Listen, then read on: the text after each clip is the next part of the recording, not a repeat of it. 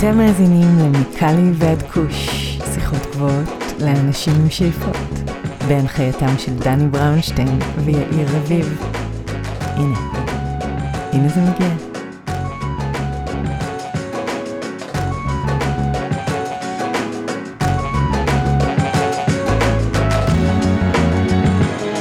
אהלן אהלן, מה קורה יאיר? אני בסדר גמור, דני, מה שלומך אתה? אה, קצת מבואס לראות את אה, תוצאות הבחירות בישראל, כמוך אני מניח, אבל אה, לא בגלל זה אנחנו פה, אנחנו פה בשביל לדבר על קנאביס, והיום, יותר נכון השבוע, אירחנו את נועה רובין, אתה לא הצטרפת אליה לפרק, הפרק מאוד מעניין, ונועה היה יד ימינו של סנופ דוג, הראפר הידוע, ועבד איתו על מספר פרויקטים שביניהם גם האתר והמגזין מרי ג'יין, שעוסק כמובן בצמח האהוב עלינו ובתרבות שמסביבו. ערך לו ספר ביחד עם מרתה סטיוארט, ספר בישול אה, למשתמשי קנאביס, אז גם על זה דיברנו. והוא בעצמו הוציא ספר לא מזמן שנקרא How We Roll, בעצם ספר על גלגול או איך לגלגל ג'וינט אולטימטיבי או פחות אולטימטיבי, אה, שבו גם הוא מסביר על תרבות גלגול הג'וינטים, ואיך מגלגלים ג'וינטים בכל מיני מקומות בעולם. אז כמו שאתה מבין, היה פרק מאוד עשיר ומעניין, אני מציע שפשוט נעבור עליו ונדבר אחריו. מה דעתך? יאללה, לך על זה, דני. בוא נקשיב לפרק. אז גם אתה תקשיב לנועה רובין. נועה רובין, good morning, how are you doing? I'm a little uh, a little flustered, but feeling all right. Okay, so give us a sense of geography. Where are you in the world today? Today I am in uh, the beautiful city of Los Angeles. It's uh, you know, sunny and 71 as as always. I'm today on the west side of the city feeling the ocean breezes and quite happy to be feeling them. I'm also based in LA, California. I'm in the valley. But let's start with an easy one if you don't mind. Tell us about your journey and what led you into the cannabis space. Yeah, I mean, I've always been a cannabis lover for as long as I can remember and you know, it's been it's been part of my life, it's been part of my journey, it's been part of my growing up and it's always been a way to connect with friends and explore art and music and you know, all kinds of culture and travel. Like cannabis has always been part of that. Um, you know, and then I also have had a long career as a journalist and media executive. Um, and in those contexts, always be connect, being connected to the world of music and hip hop. Um, you know, obviously, cannabis is a big part of that. Um, and then also as a music producer um, and running record labels, similarly, um, always felt as though cannabis was a big part of the creative process, the the process of connecting with other creative individuals, and that was sort of the foundation that opened the door to me collaborating with Snoop and moving to California and saying, "Hey, I, I lived an amazing chapter of my life on the East Coast, and you know, I'm I I feel like maybe it's time to try out the West Coast." And you figure working for Snoop is a good first step in in a California reality, and so I took the plunge and pretty uh pretty happy so far. So, did you move to the West Coast only for the cannabis career or to work for Snoop, or did you have other reasons regardless? Well, it, def- it definitely was 100% to take this position working with Snoop and Merry Jane.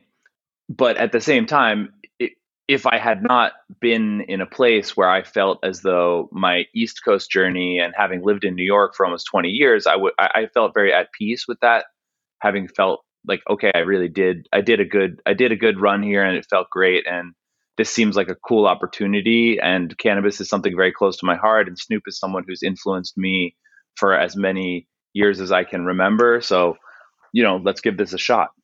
sure. So, you mentioned Merry Jane. What's Merry Jane on a high level?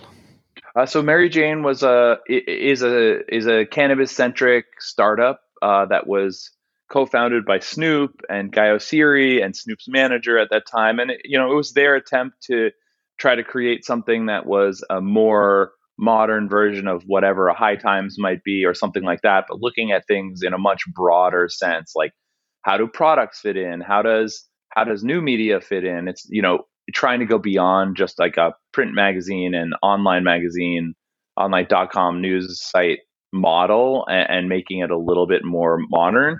You know, and that was that was the goal. Okay. So you were a big part of Merry Jane when we met back in 2017. Yep. And the Californian market was transitioning from medical to recreational back then. So, five years later, what's the good, what's the bad, and what's the ugly in our industry or otherwise cannabis culture as a whole in California? I speak to this often when I'm in conversation, but the cannabis has been a renegade culture. It's been, you know, because it's a product that's been illegal and it's been embraced by people who are renegades in their public facing personas. There's something about it that is has been edgy. And I think that, you know, legalization, quote unquote, for California, you know, like there's a certain element of freedom actually and and lawlessness and the ability to do whatever the hell you want because you're not afraid of the risk of the some kind of punishment were you not to, you know, were you to get busted or whatever, you know that that engenders a sort of really cool rebellious renegade culture. And i think legalization as much as it addresses a lot of the criminal justice wrongs of prohibition i do think that you know there is that aspect that you know we we are it's a little bit less free. People are a little bit more rule bound. It's a little harder to just do what you want when you want where you want. And the people that are coming into the space are coming into it because it's a business opportunity not necessarily just because it reflects who they are and how they are in their lives. Which is okay with you? I mean do you think that you know every cannabis ceo should be a smoker a stoner a user or otherwise if they're you know good at business and they succeeded in other mainstream uh, cpg company companies why not move to the industry? What what is your I'm, take I'm on 100% this? okay with it. You know things change and that's something that is more it's more important to accept and understand that change than to fight the change. Um, so i'm i i believe that you know the legal cannabis business is you know that's that's good that's essential. And i think the big part about it that is important to me is if the trade-off is to get people out of prison to stop persecuting people that is a that is a worthy trade-off for the cultural aspect that I'm speaking to because I think that will still exist in some degree as nostalgia you know, in in these pockets where people still understand that legacy, um, I don't think that having buttoned up CPG CEOs is going to 100% eradicate that culture. And again, I think any trade off, if it means righting the wrongs of the war on drugs, are worth it. Agreed. So many digital and print cannabis magazines are struggling to survive these days, and the ones that do survive are often biased or not credible, to say the least. So, what's your take on cannabis content today in 2022? Well, as somebody who's worked in media, journalism, content for a while now, you know, it is a brutally difficult business, even if you know what you're doing. And people who really have cut their teeth in this space in any regard, cannabis or otherwise, know that to be true. And I think cannabis is exciting. And the idea of, hey, let's start a cannabis platform or let's do a cannabis magazine, that sounds really exciting and fun. But the day to day reality of what that is and what it takes to build a successful business is really, really intense. Uh, and I don't know that, you know, coming from these spaces that are not necessarily that business specifically always leads itself to a su- success. You know, like the cannabis customer is also a bit esoteric. There's not a singular cannabis customer, you know, like the there's you've got you've got the our age the age range and this is a beautiful thing is people from as early as they're legally allowed to get it and before to people that are elderly. That, that's the cannabis customer. So speaking a language to all those people is a really, really big challenge. And operating it as a profitable business is a similarly large challenge.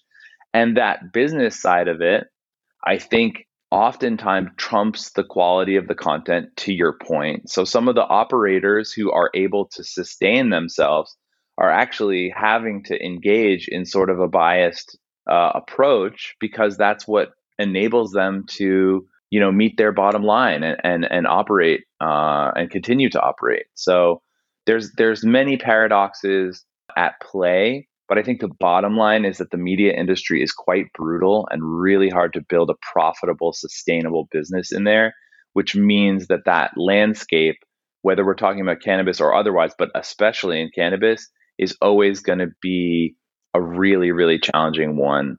Uh, and and but also creates an opportunity for someone who has an interesting idea or has a vision for something that's done in a different way than it's been done before. So I know that you're not working for Merry Jane right now, but what was your approach at Merry Jane? Like, who was your target audience? What was the business model? Like, how did you make it happen?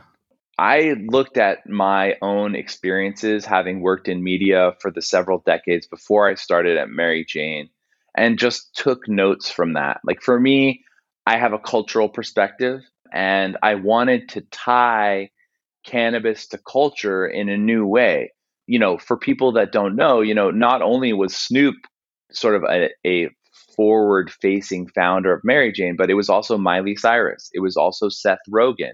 You know, there was all these people that were sort of these iconic stoners that had a or that have a really big voice in pop culture um, that were sort of attached to Merry Jane that to me was a thesis statement. Like, you know, how do we talk about cannabis at the pace of pop culture? How do we ride that wave? How do we make sure that new album releases, new film releases, like new comedy specials are t- somehow tied in in a way that maybe hasn't been done as directly before to cannabis strain launches, important things to our community, what's going on with the criminal justice fight, like you know how do we how do we meld those worlds in a really timely way um, and do mm-hmm. it for for a digital audience and then figure out a way to get get sponsorship and, and businesses to back us and, and build a model around that. So from my time uh, as an editor at Mass Appeal or as a freelancer for Complex, you know, taking notes from those types of organizations and trying to apply it to a cannabis media operation was really my approach. So, speaking of Merry Jane and Snoop, you were the editor of Snoop Dogg's cookbook, From Crook to Cook. Snoop is considered by many as the godfather of cannabis culture, if you will, at least here in California. And you probably spoke about him thousands and thousands of times, but still, how was the experience working with him personally? To answer that last question briefly and first, I had a very blessed experience with Snoop. His management, I, I didn't have to deal with day to day management stuff. I was in the room with Snoop when he was feeling creative and wanted to do something cool and new and different. And so I had this very, very specific kind of relationship with Snoop where we were we were put together in a room when the vibe was good and we were ready to be creative and that was incredible. So I feel super super privileged that I was able to be uh, in work with him in collaboration in that type of energy and you know a lot of the heavy lifting that his amazing team does i was not necessarily tasked with you know? So we were really there to make the best things happen possible. And i think a great example of that speaks back to your first part of your question which is this cookbook which mm-hmm. came together in a very like kismet kind of way um, where you know snoop was deep in production for his martha stewart uh, his show with Martha Stewart, and I was simultaneously sort of deep in incubating a relationship with this book publisher called Chronicle Books, and who happened to be very, very highly regarded in the realm of cookbook publishing. And so, kind of through conversation, as other things were developing with this publisher, Snoop kind of entered the conversation was like, look, I want to do my cookbook and I want to get it out to time it with the launch of the new season of this show. How can we make that happen? and he had sort of a he had sort of a grain of an idea and then we had to sort of translate that idea into something that would work for like a mainstream cookbook publisher where we have to make you know we have to make a 150 page book 180 page book of of all these ideas and make it beautiful and make it cool and do high level photography and check all of these boxes that we have no choice but to check uh, when we're doing a, a, a, book on that level.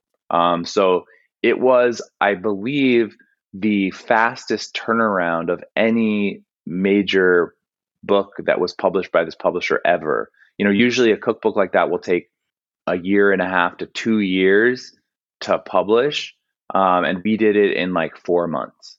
Um, oh wow! So it was truly, truly a tour de force and testament to the amazing team at the publisher and Snoop's amazing team and all the people that we had to rally together to make this project possible. And so, as the editor uh, uh, of the project, you know, it was really about being the glue. You know, who's the team that's going to do some of the writing? Who's the team that's going to do the photography? Who's the team that's going to do the design? Who's the team that's going to do the marketing? And making sure they're all talking to each other in a way that syncs up and sends the right message and you know, frankly, sometimes those kind of highly aggressive deadlines are what makes the best things happen. And I really think that that that book came together in just a very very special way and people have resonated with it in, in an unbelievable in an unbelievable way i mean it's actually now one of the top 10 best selling cookbooks of the last decade new cookbooks of the oh, last wow. decade yeah so it's That's it's big. it's yeah it's crazy to think about but you know we're we've sold hundreds of thousands of copies of that cookbook and it is now sort of like in in the upper echelon in terms of sales of, of most any cookbook you could name wow that's fascinating i mean i wonder who actually bought it because obviously his fans and stoners but what about the soccer moms or other types of cannabis consumers that you mentioned before that's what the brilliance was i think when Snoop was like, I really need to sync this up to the new season of my Martha Stewart show because at yeah. that moment in the pop culture realm, people were really excited about that show. And to your point, who was watching that show? Well, it's a VH1 show with Martha Stewart. So, you know, it's a broader, a much broader audience than like underground hip hop heads or sure or stoners. You know what I mean? It's like a bit it's you know, you're, you're aggregating all of those audiences all together and then you're putting it into something that people are so thrilled about, which is food and recipes and all these fun stories from Snoop's life and like traveling around the world and what are the things that bring him comfort. I mean, and just so you're aware, the recipes are not like cannabis infused recipes. You know, they're really just focused on I'm Snoop, I'm a stoner, I love food, I've been around the world, and these are the foods that I love the most, and now I'm going to show you how to cook them. Um, yep. And I think that's a very, very approachable and exciting idea. Uh, and and and the again, the the sales of the book have have are testament to that. Absolutely. So I'm wondering, what type of stoner is he in real life? I can confidently say that Snoop loves smoking weed. He definitely, definitely loves to always have something within arm's reach. So yeah, I mean, is it, it by the way, is it true that he has a personal joint roller? Uh, or yes, is it just that, a myth? That that person is not present at all times, but there are oftentimes people present who are playing that role. You know, um, so it's not like every minute I was ever with him, he always had a roller by his side. So you know that that was my observed observed reality. But I know that such people do uh, come in and out uh, when that when when does when needed. Interesting. Is he into edibles, dabbing, other forms of consumption? Absolutely not. He does not like. We've tried to do. We tried to do things with. Infu- that's why the cookbook couldn't be infused because yeah, he just doesn't like he's had some bad experiences in the past and and that was something we were like that was just like nah like not into it you know i i smoke weed and that's kind of that with that said i just read i think uh, a few weeks ago that he uh, just released a new line of onion rings infused onion rings under his name. Yes absolutely. That's a that's such a that's i mean that's such a fun and funny project. And like you know again is an another kind of i think you know, I just have to tip my hat to his team and the people that put those deals together because, you know, Snoop as a character and as an artist and as a personality just like speaks to like fun and funny combinations that also are cool. It's just like there's this sort of magical halo effect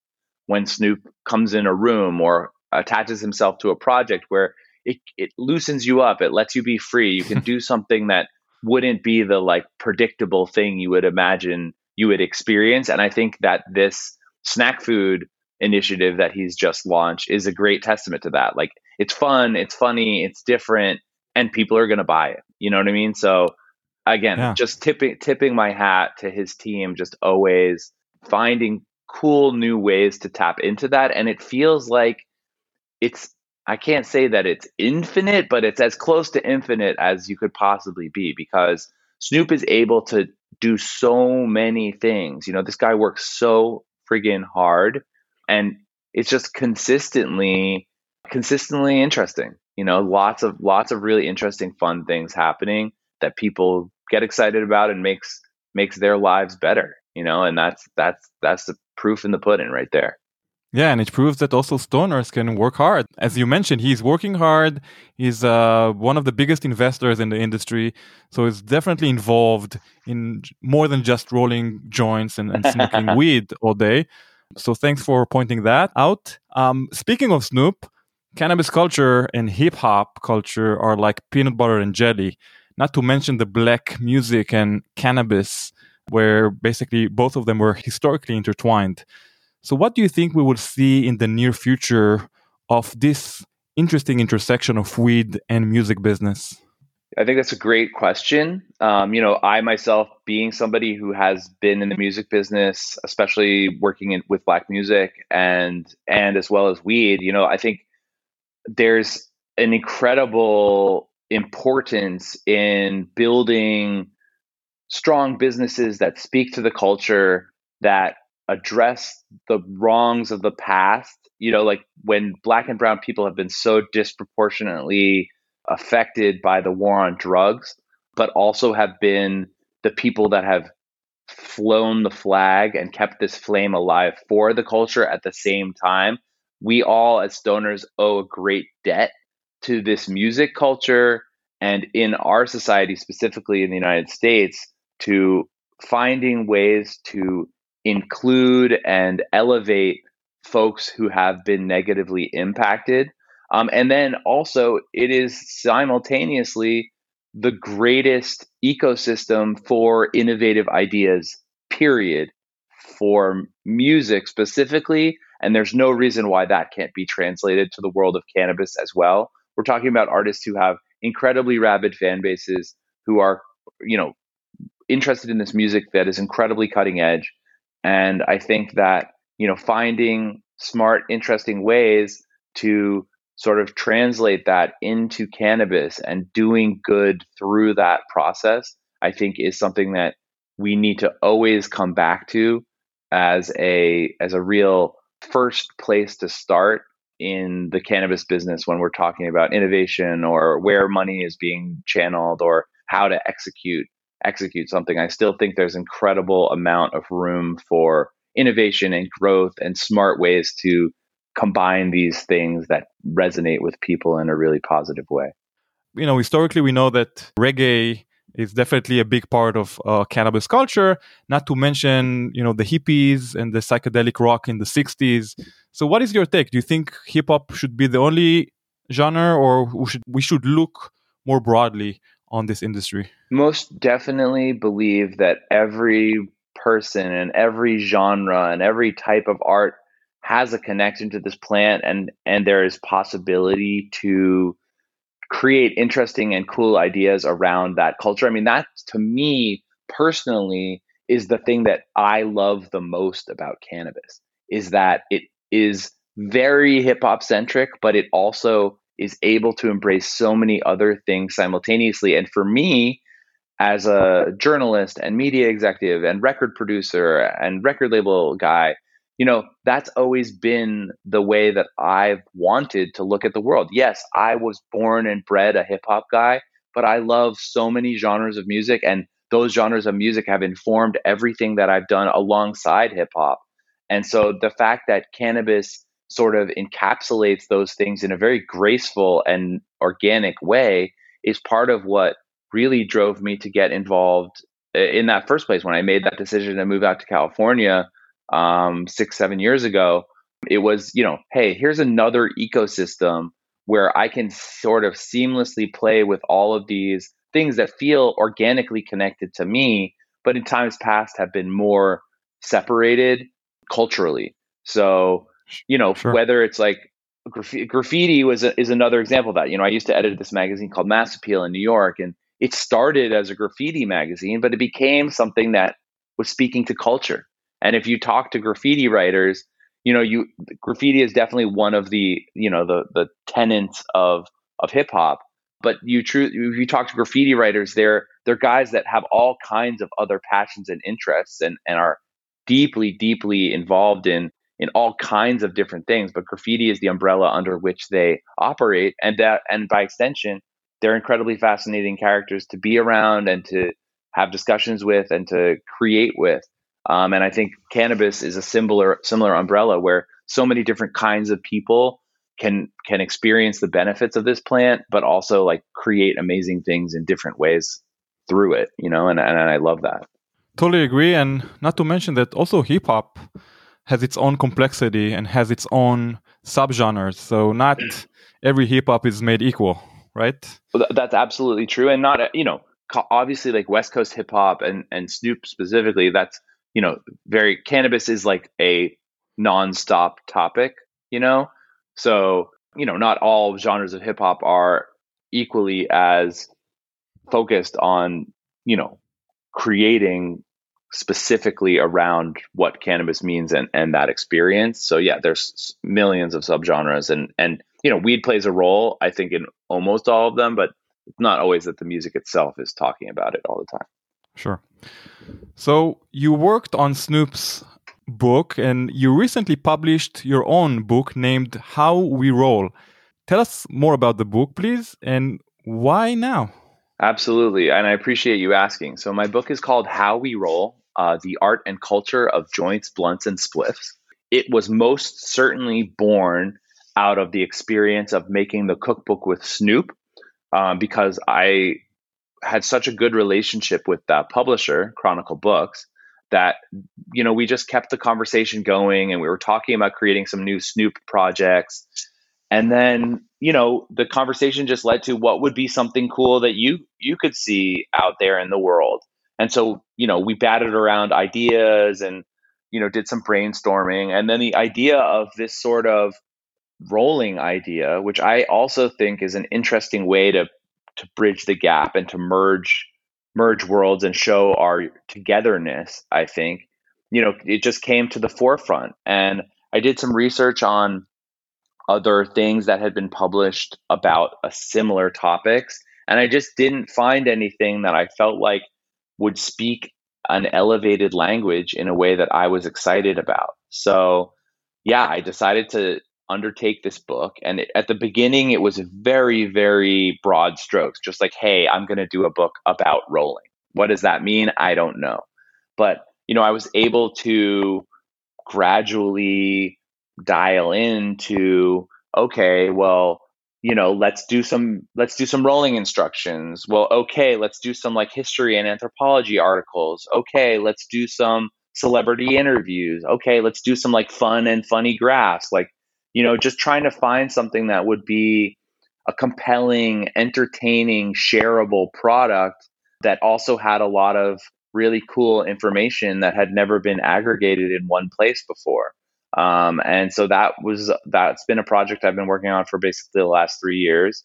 Um, and it just came out a couple weeks ago, and I'm so excited for it to be in the world. And people are really, you know, people who hold it in their hands are just like, why has this thing never existed? And then once they open it, they can't stop reading it. There's so many fun little things, and you know, you don't have to sit there and read it cover to cover. It's not that type of book. It's it's really a piece of entertainment where you can keep it on a coffee table, and if you feel like reading, you know, you can read an essay about the invention of the joint, or you can just laugh at a funny chart about what we deal with as people who love smoking weed on a day-to-day basis. So there's there's a little bit of something for everyone and and then there's these um, amazing stories that people shared uh, you know everyone from wayne coyne from the flaming lips to dawn richard who's like an iconic r&b artist to laganja estranja who's a famous drag queen you know what i mean like to your earlier point about you Yeah. know hip hop not always being the leading genre uh, that we think of when we think of cannabis i i really went Yeah. I, I went out of my way to try to speak to that in the people who I connected with for the book, just because they, you know, there we've all had our own experiences, and we don't want to, you know, like to me, cannabis is about inclusivity. You know, what I mean, we're all we've all had a, a Sure. magic magical connection to this plant, and I think it's a healing plant. And the more that we can embrace others who may not automatically seem like people who are our brothers, that's a that's a good that's a good thing to do. Super interesting. Speaking of, of history of rolling, do we know when was the first joint or when was it rolled for the first time and So where? So I interviewed uh, Josh Kesselman, the founder of Raw Rolling Papers uh, and HBI, his amazing company, um, and he he has this amazing forward-facing social media personality. That's very it's very entertainment oriented, and you wouldn't necessarily know from that personality that he is also just such a knowledge keeper about these types of historical nuances about everything to do with rolling and rolling paper.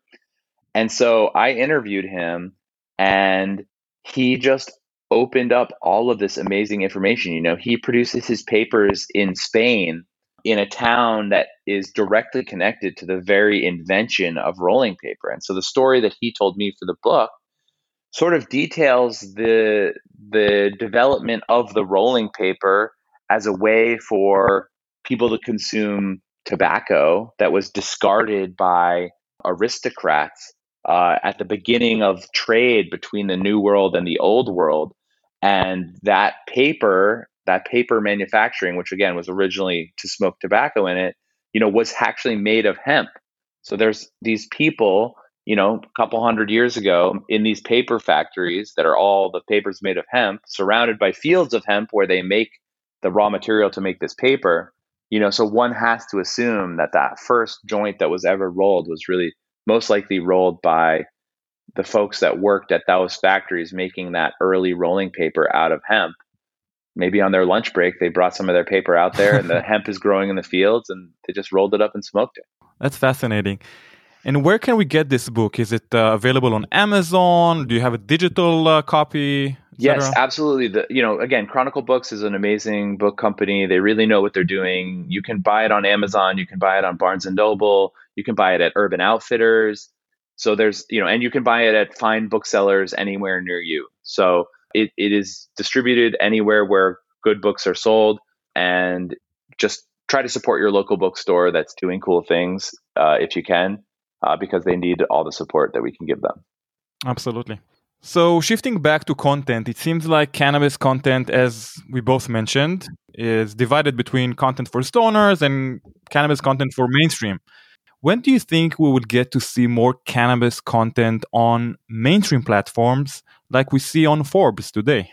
So it's really interesting that you say that because a, li- a lot of what I did with Snoop was trying to develop television and film properties for mainstream outlets.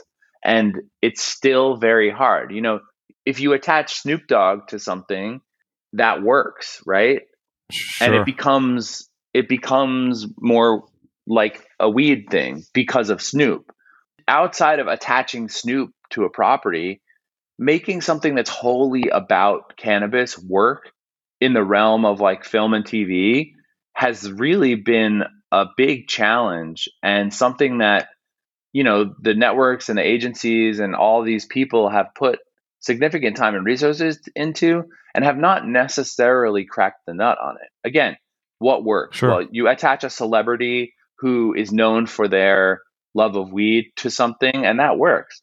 But, you know, for holistic cannabis centric content that's not purely celebrity driven to really connect with an audience, I don't think that that has been really figured out. So I think it's a work in progress. I think there are things that are doing are trying to figure out what that looks like, but I, you know, I don't know. I don't know what it's going to take for a show that's really built around the world of weed um, and not just about the celebrities that love weed to really take hold and and change the game. Uh, I think we're still we're still waiting for that moment. So, with that said, what's the future of cannabis content? Do we need more documentaries? Do we need more stoner movies?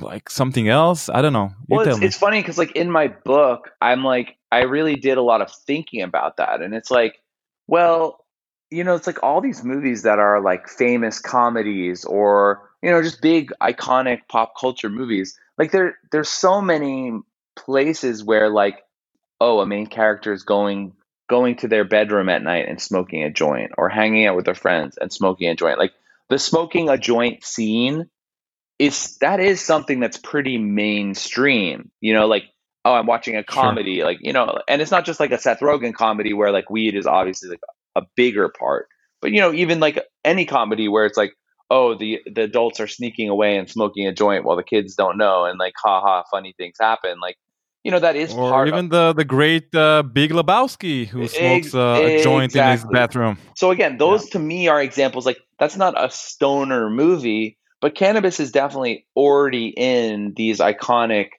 films and and TV shows and stuff in its own way. And so I think I think what's going to happen is as we culturally evolve, as cannabis becomes more of a part of like, oh, I'm going to have a drink, like think about reality shows. Like reality shows all right now, oh, they drink alcohol, right? That's how they lubricate everyone is they get everyone drunk yep. on a reality show and that's how they create the drama that that everyone is addicted to on reality shows. Well, what happens yep. in 10 years when smoking a joint is just as as you know, that's as normal as as drinking a beer, right? Like I think we're going to as we evolve as our society realizes the place of this plant you know it becomes more part of our day to day it becomes more part of our story and as we tell that story it becomes it becomes it plays a bigger role you know and and we tell we understand it more deeply and i think that that's something i'm very much looking forward to not to mention that soon we'll be able to drink our weed or already today in california we are Absolutely. drinking our weed not only smoking it yes so soon the entire world will be able also to drink their cannabis as well. Yeah, uh, you know, there's all kind. You know, the beverage side of it is an incredibly innovative. You know, not to take a tangent, but I do think the beverage side of cannabis is an incredibly innovative space with a lot of really great brands that in certain states are already, you know, having you know market leading impact in terms of their ability to connect with consumers. You know, in California, we've had legal weed flower for so long that the customers are really accustomed to consuming in that way. But I think cities and states where we haven't just everyone had flower forever, like a beverage is a really interesting and appealing way to like enter the enter the world of, of weed and and again there's sure. some beverages out there that i just think are delicious and encapsulate everything i would want in a beverage they just don't have alcohol they have weed instead agreed we were just waiting for you know the regulator that will allow us to consume cannabis drinks in a concert hall or in a show. I want to pick cannabis versus alcohol when I go out. Absolutely. And then I think the other side of that, speaking of beverages specifically, is like it's a, there's a lot of operational and supply chain things just producing sure. a cannabis beverage between the legal complications and the technicalities of you know keeping your keeping your potency high and being able to have shelf stability. It's a it's the people who are out there and doing it well i just tip my hat to because it is extremely extremely difficult to make a good beverage that can actually yeah. get to market and people can really enjoy it. And the real estate that it takes. Oh yeah. It's a huge Bottle. real estate compared to uh, extracts and flowers. Yeah bo- i mean um, running a bottling line at a commercial scale is a whole other crazy undertaking. Yeah want to move to some personal questions if you don't mind. I do not. So, speaking of how we roll in the book, how do you roll, Noah? And what's your favorite cultivar? So, first of all, I'm I've always been okay at rolling a joint, but I never knew how much there was to learn. What? After writing this book, you're only okay? No, no, I, I said joint? I've always been What's wrong with you? okay. But Oh, during the okay. process of writing this book, I realized how much there was still to learn. So, Got it. you know, the great thing about writing this book is okay, well, I'm trying to teach people how to roll all these joints. And of course, I obligated myself, like, I'm not going to teach anything that I can't roll competently myself. So I had to sit down every day and spend several hours rolling and rolling and rolling just to bring myself up to proficiency so I could offer insights to other people on how they might want to roll these joints.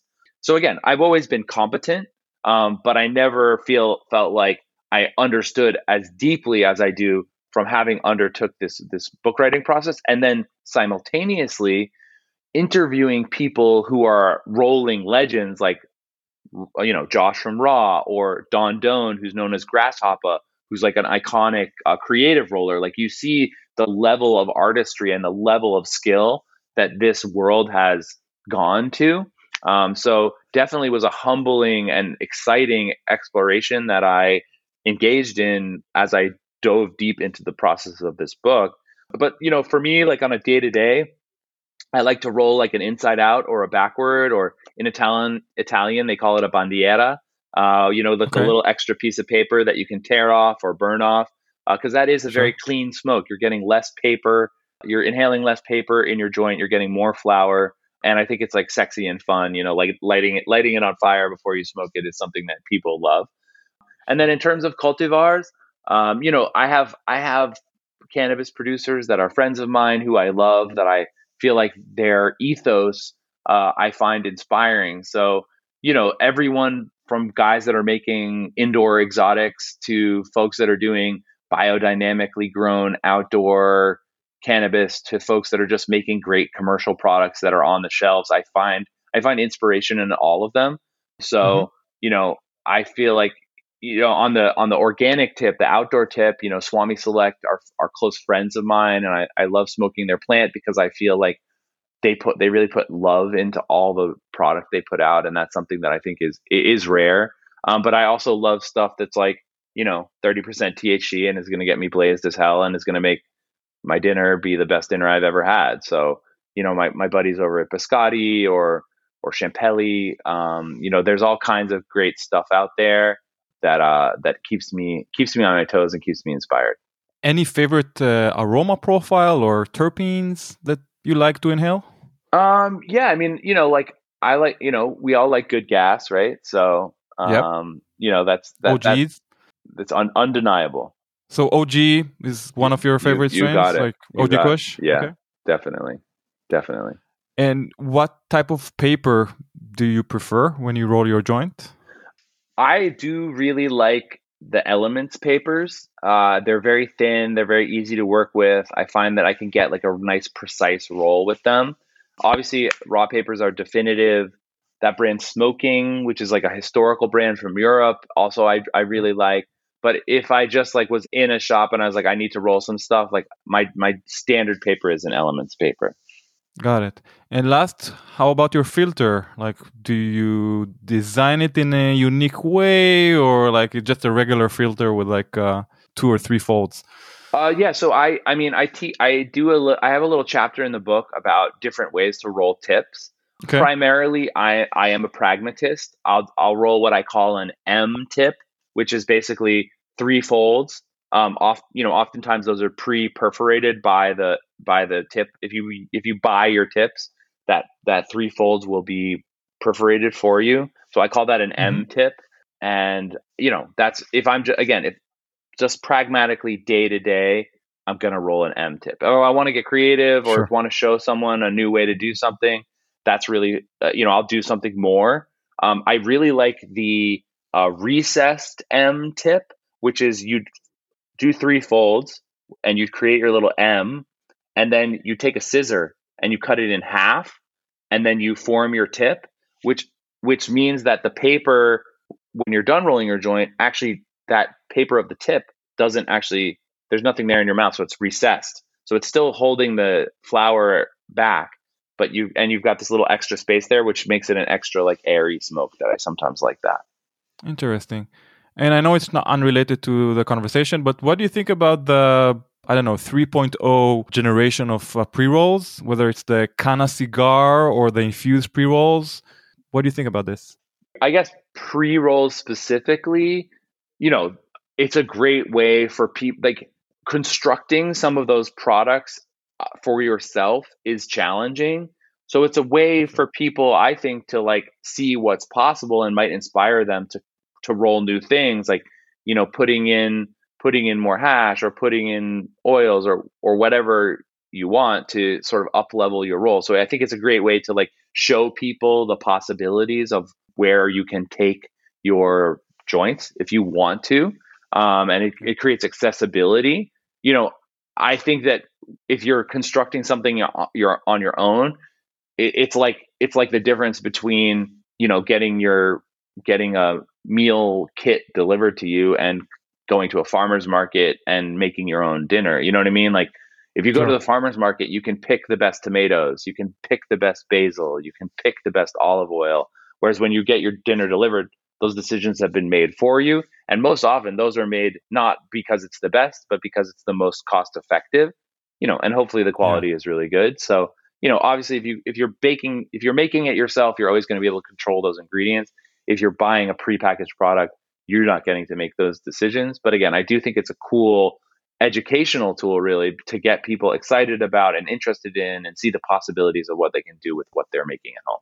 Yeah, man, it's fascinating because on one hand, this category of pre rolls is exploding these days. But on the other hand, when we talk about quality, I think rolling your own is definitely will give you in most cases a better quality product don't you think? Absolutely and and again that's part of the inspiration of this book. Like i think that i think that the process of rolling one's own joint is an important thing to know. And and a, the re, i mean people like the convenience of the pre-roll but there's a lot of people that just don't feel like they can roll. You know what i mean? Like i don't know how to roll a joint. And so i hope that my book speaks to people and shows them that actually you probably can roll a joint. And and another way that I've been sort of promoting the book and out there connecting with people is I've been running joint rolling workshops and just bringing oh. people together in cool places to have this experience to show people, you know, for me there's nothing more gratifying than someone who walked into a room with me and was like I don't know how to roll a joint and walks out with it five joints later being like actually i do know how to roll a joint. I'm proud of it and i can't wait to do this again. That's awesome. Uh, speaking of joints what other categories excites you the most when it comes to cannabis innovation and, and trends? Well we already we already talked about it because beverage is definitely something that i'm i get very excited about. I just think that it's such a big realm of possibility in terms of flavors and ideas and food and experiences. Like there's just a lot of really cool products already, and we're just at the very beginning of this business. So that's the space where I see, you know, whenever I show up at a dispensary or go to a state that I've not been to before that has different brands, I'm always sniffing around trying to find a new product that, you know, speaks to me and and and provide something that I may not have been uh, aware of previously. So I, I just get I just get really really excited about it, and you know, not to like be an advertising guy, but you know, there's this this brand called Harmony who does a mallet a, a, a product called the Malice Hard Cider, which is a low THC yeah. product, but it's just yeah. it's very clean. It's like this this is as good as like a cider that I would drink from a from a you know an alcohol shop. And i just think it's like a it's a seamless thing. And they have a couple other like very innovative uh, beverages that are you know sort of like speaking to the like the craft beer natural wine crowd but doing it in a really interesting weed way. And and i just like like that as a product. Like i would just come home and have that with dinner. To your point instead of having alcohol i'd rather have like a light low sugar cider with some sparkles that has a few milligrams of THC. It feels great. What other players do you appreciate in our space and why? Well, I've already mentioned like some, you know, friends who like, you know, like Swami or Biscotti who I think have stuck with their guns and do something that's unique and you know have their own success and speak to a narrative that I that I support. I mean another another brand that like you know as like a New York guy who comes from the world of music and and stuff like that like I do think that Pure Beauty is somebody that combine like a beautiful brand with a great product. And what do they do exactly? Pure Beauty, uh, they do they do flower, they do pre rolls, uh, they do incredible. Okay. Their their like their aesthetic is really elevated. You know, if you want to feel cool, like Pure Beauty is a great way to do it. But they also do some innovative products that I feel like definitely stand out.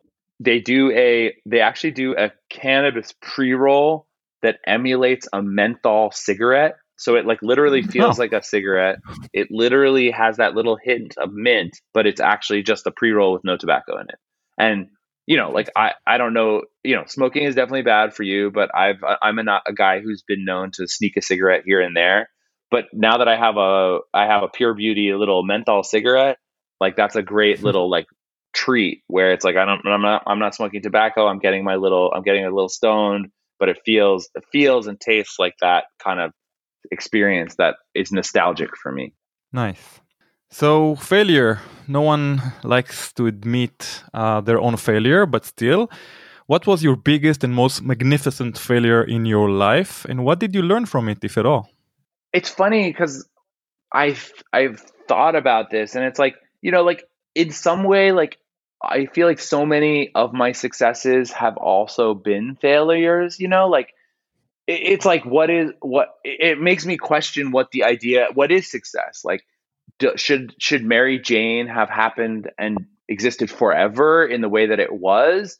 Should the albums that i've worked on been should i've done more of those? You know what i mean? So it's like i feel like i've had this interesting professional and creative path where I've been able to do really amazing special projects that have had a lot of impact that people have appreciated, you know, but instead of repeating those things or doing more of that, I've often found myself down down other other paths and other trails and doing new things. So, you know, like for me, like is it a failure that I didn't do a second Snoop Dogg cookbook? Instead, I had to go and do my own book. Like in some ways, I'm disappointed by that, maybe. But on the other hand, like I'm having to just reinvent myself and do something new. So, you know, I feel like for me, the way I look at it is like failure is part of success and like just mm-hmm. continuing to like try to move forward and explore new things has been the way that for me I've been able to like build a career for myself and I'm I'm so I feel so blessed that like again I that the moments of success have been really great and that the you know the troughs of failure in between and trying to figure things out have tended to just lead me back to something that has been very gratifying and interesting and has connected me with really good people and I've been able to put ideas out that that I feel like are worth putting out. So, you know, success and failure are hard to distinguish between for myself. Well said. So, we discussed weed and music and let's revisit because weed and music for me is pure magic when I combine them. They're both medicinal, they're both spiritual in their own way, and they both connect people all over the world.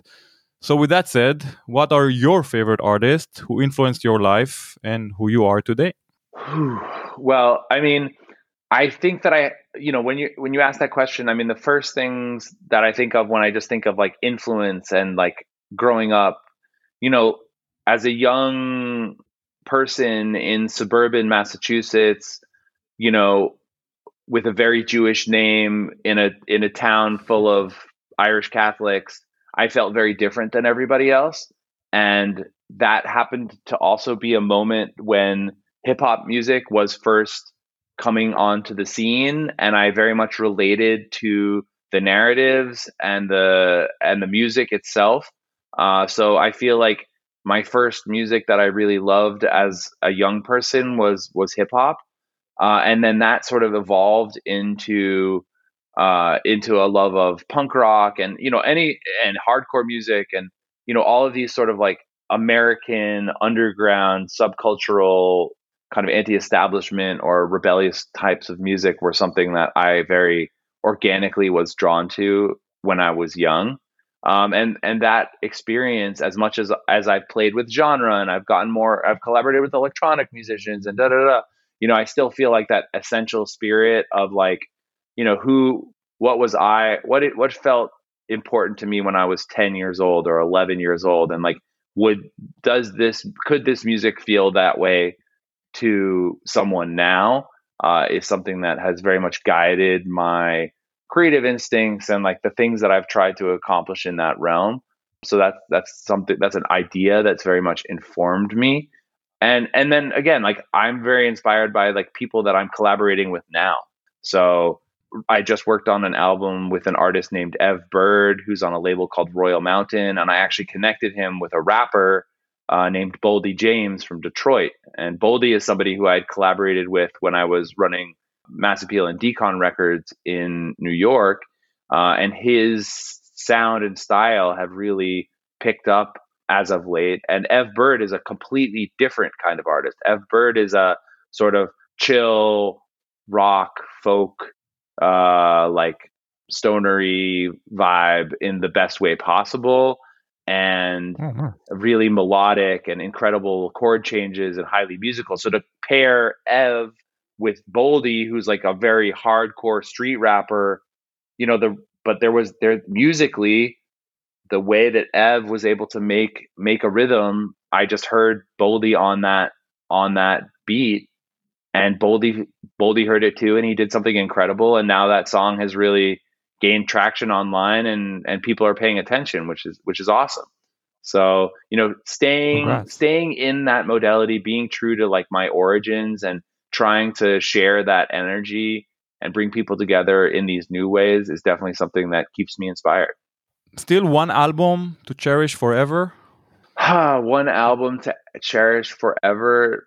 I I love I love Bill Withers. I was actually listening to Bill Withers yeah. this weekend when I was traveling between San Francisco and LA and it's an out the his work is something that has connected with me and healed me many different in different times of my life and i hadn't listened in a while and i was speaking with a friend because you know i i obsess a lot over new releases and sometimes i don't yeah. create enough of space to just go back to things that had played a significant role in different times of my life and so sure. again this weekend uh, the drive home back to LA from San Francisco, I was listening to Bill Withers and I was really, I was really resonating with it and feeling it and remembering how much it has meant to me and, and how beautiful his voice and his melodic ideas are. So I'm going to just put Bill Withers out there.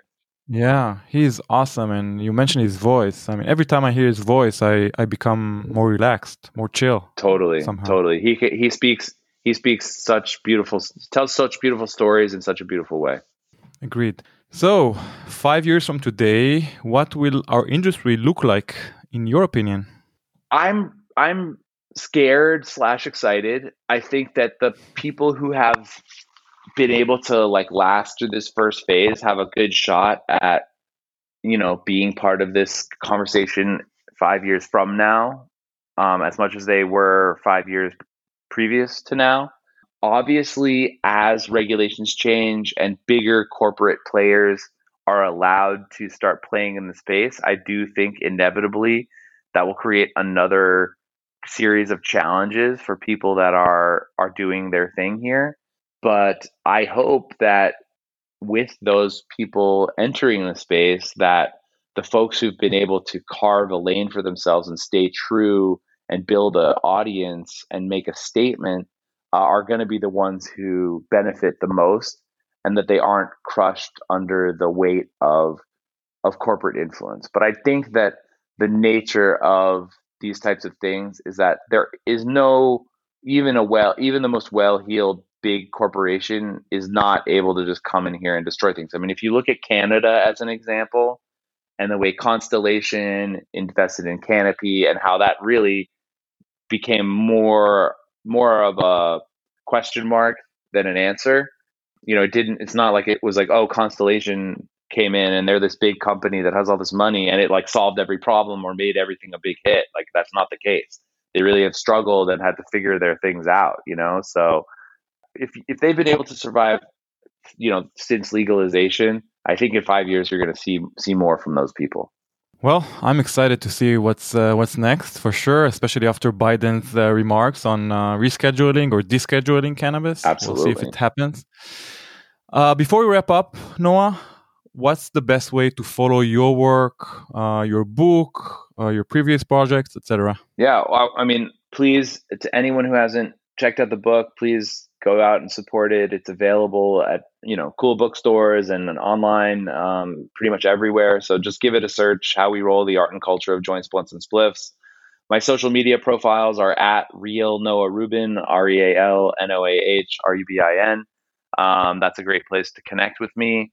And yeah, more more to come. I'm I'm you know I'm very committed to you know preaching the gospel of this of this book and and the idea of rolling to bring people together wherever and whenever possible. So i've been doing events at music festivals and at restaurants that i love around the country uh, and i'm going to continue to do so. Uh, on the horizon i have a big new york city event november's 4th 5th and 6th uh, i'm partnered with weed feed and Morgenstern's ice cream uh, in manhattan and we're going to be doing three okay. days of rolling education, workshops, book signings, and uh, magical ice cream sundae flights influenced by different regions that I explored in my book that were important to the historical development of different rolling styles and traditions. So it's a great way wow. to like enjoy rolling, enjoy some food, learn something, and have some fun.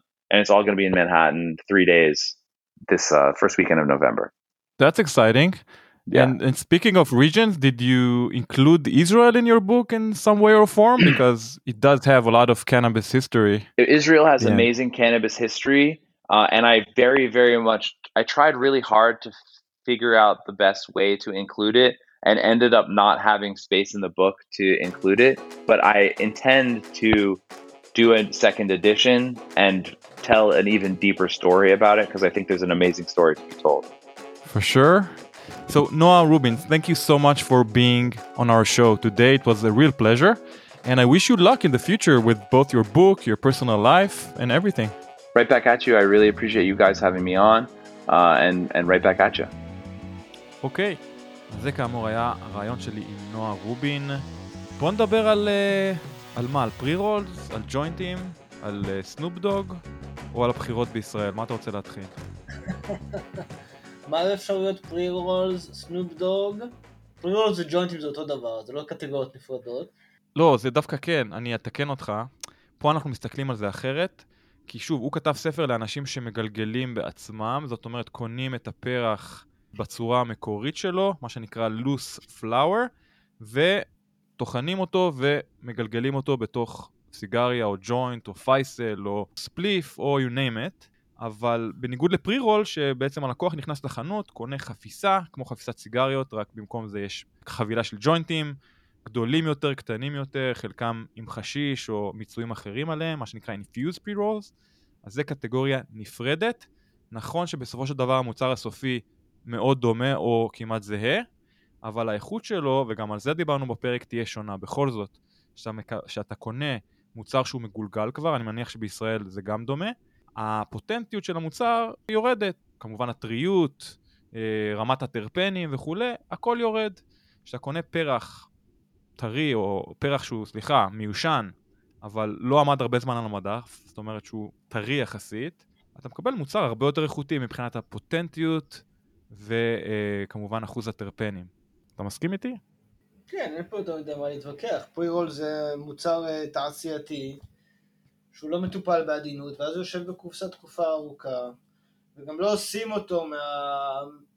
לרוב, אתה יודע, כולם מדברים שהם עושים את הפרי-רולס מפרחים, אבל בדרך כלל זה משייק וטרים עושים נכון. את הפרי-רולס. אה, אז כן, אין פה יותר מדי ויכוח, זה די סטריט פורד, אם אתה רוצה לדעת באמת מה אתה מעשן, לעשן את הטוב ביותר, אתה לוקח פרח, כוסס אותו ומגלגל את זה. יפה, אז מה המצב בארץ מהבחינה הזאת? אני יודע שפרי רולס התחילו להימכר בארץ, בשמם הישראלי המעוברת גליליות. כמה זה פופולרי עד כמה שאתה יודע?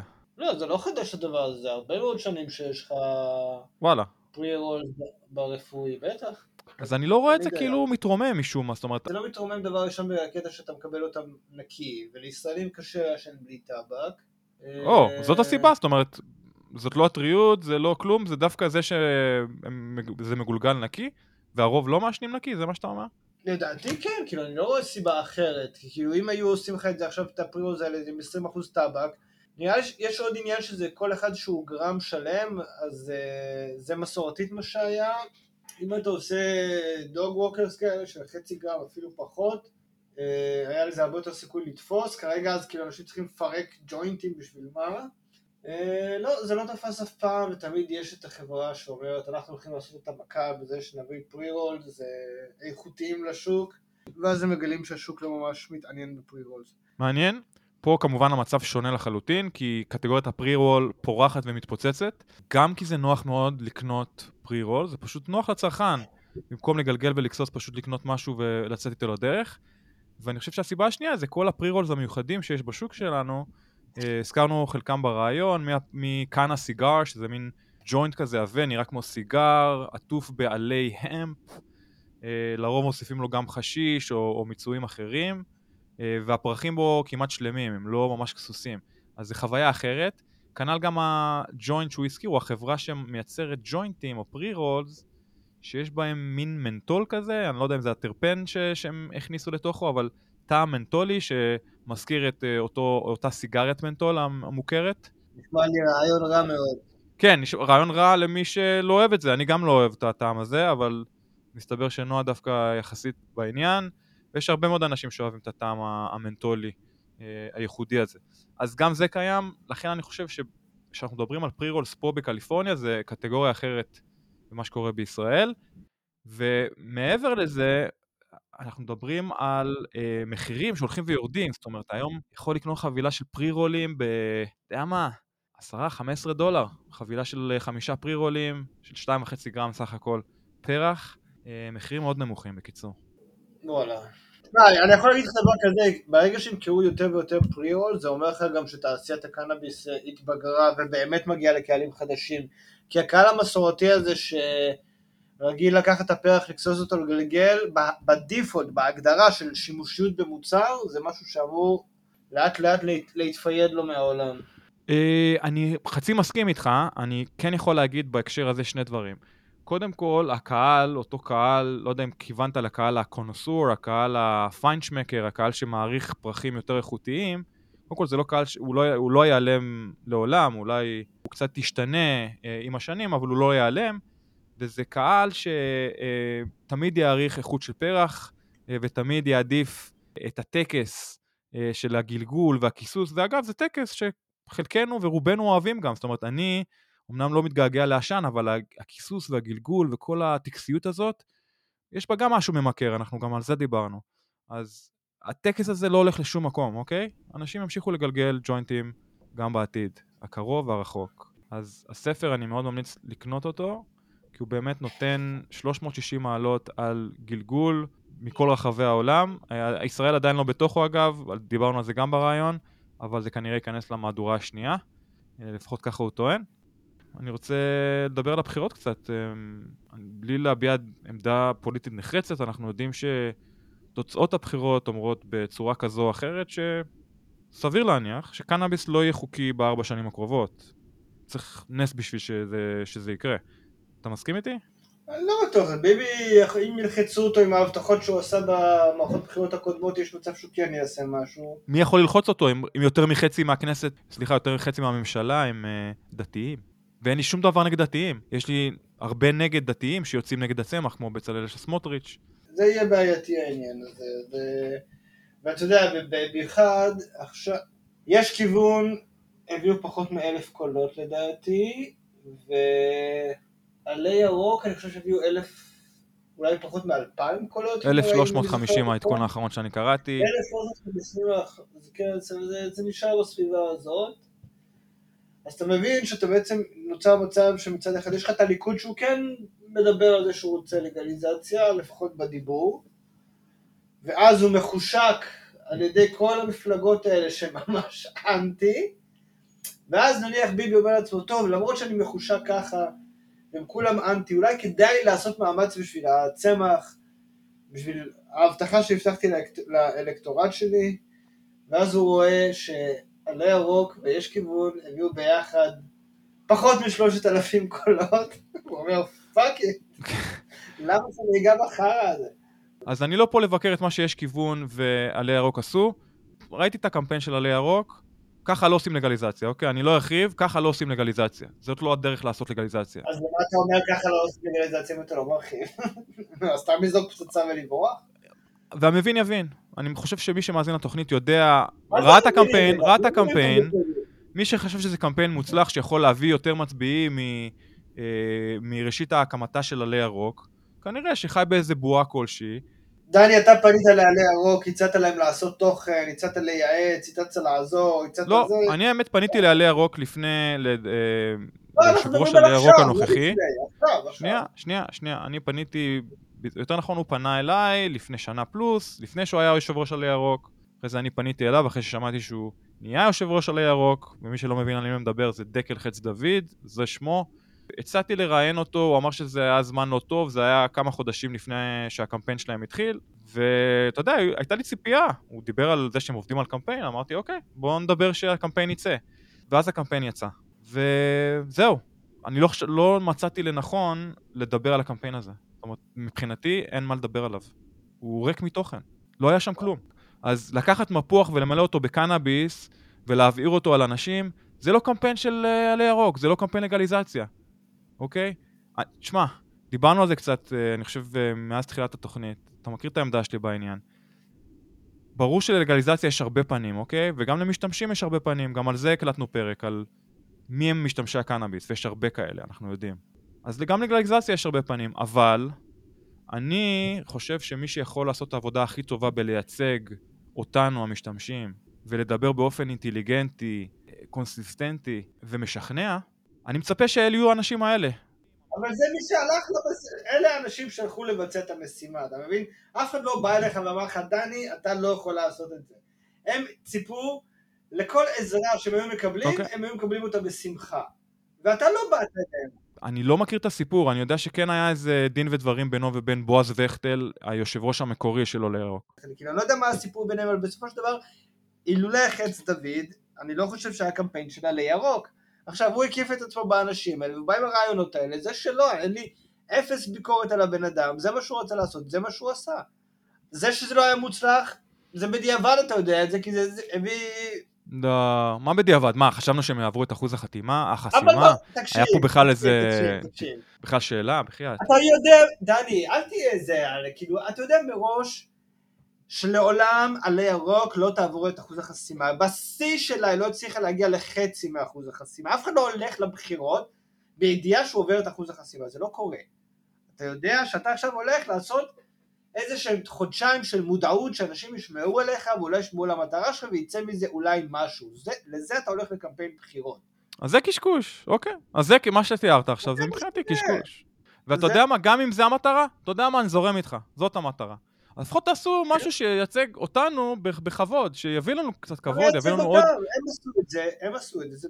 מייצג אותם, לא יביא אנשים מבחוץ. באמת. תצטרף.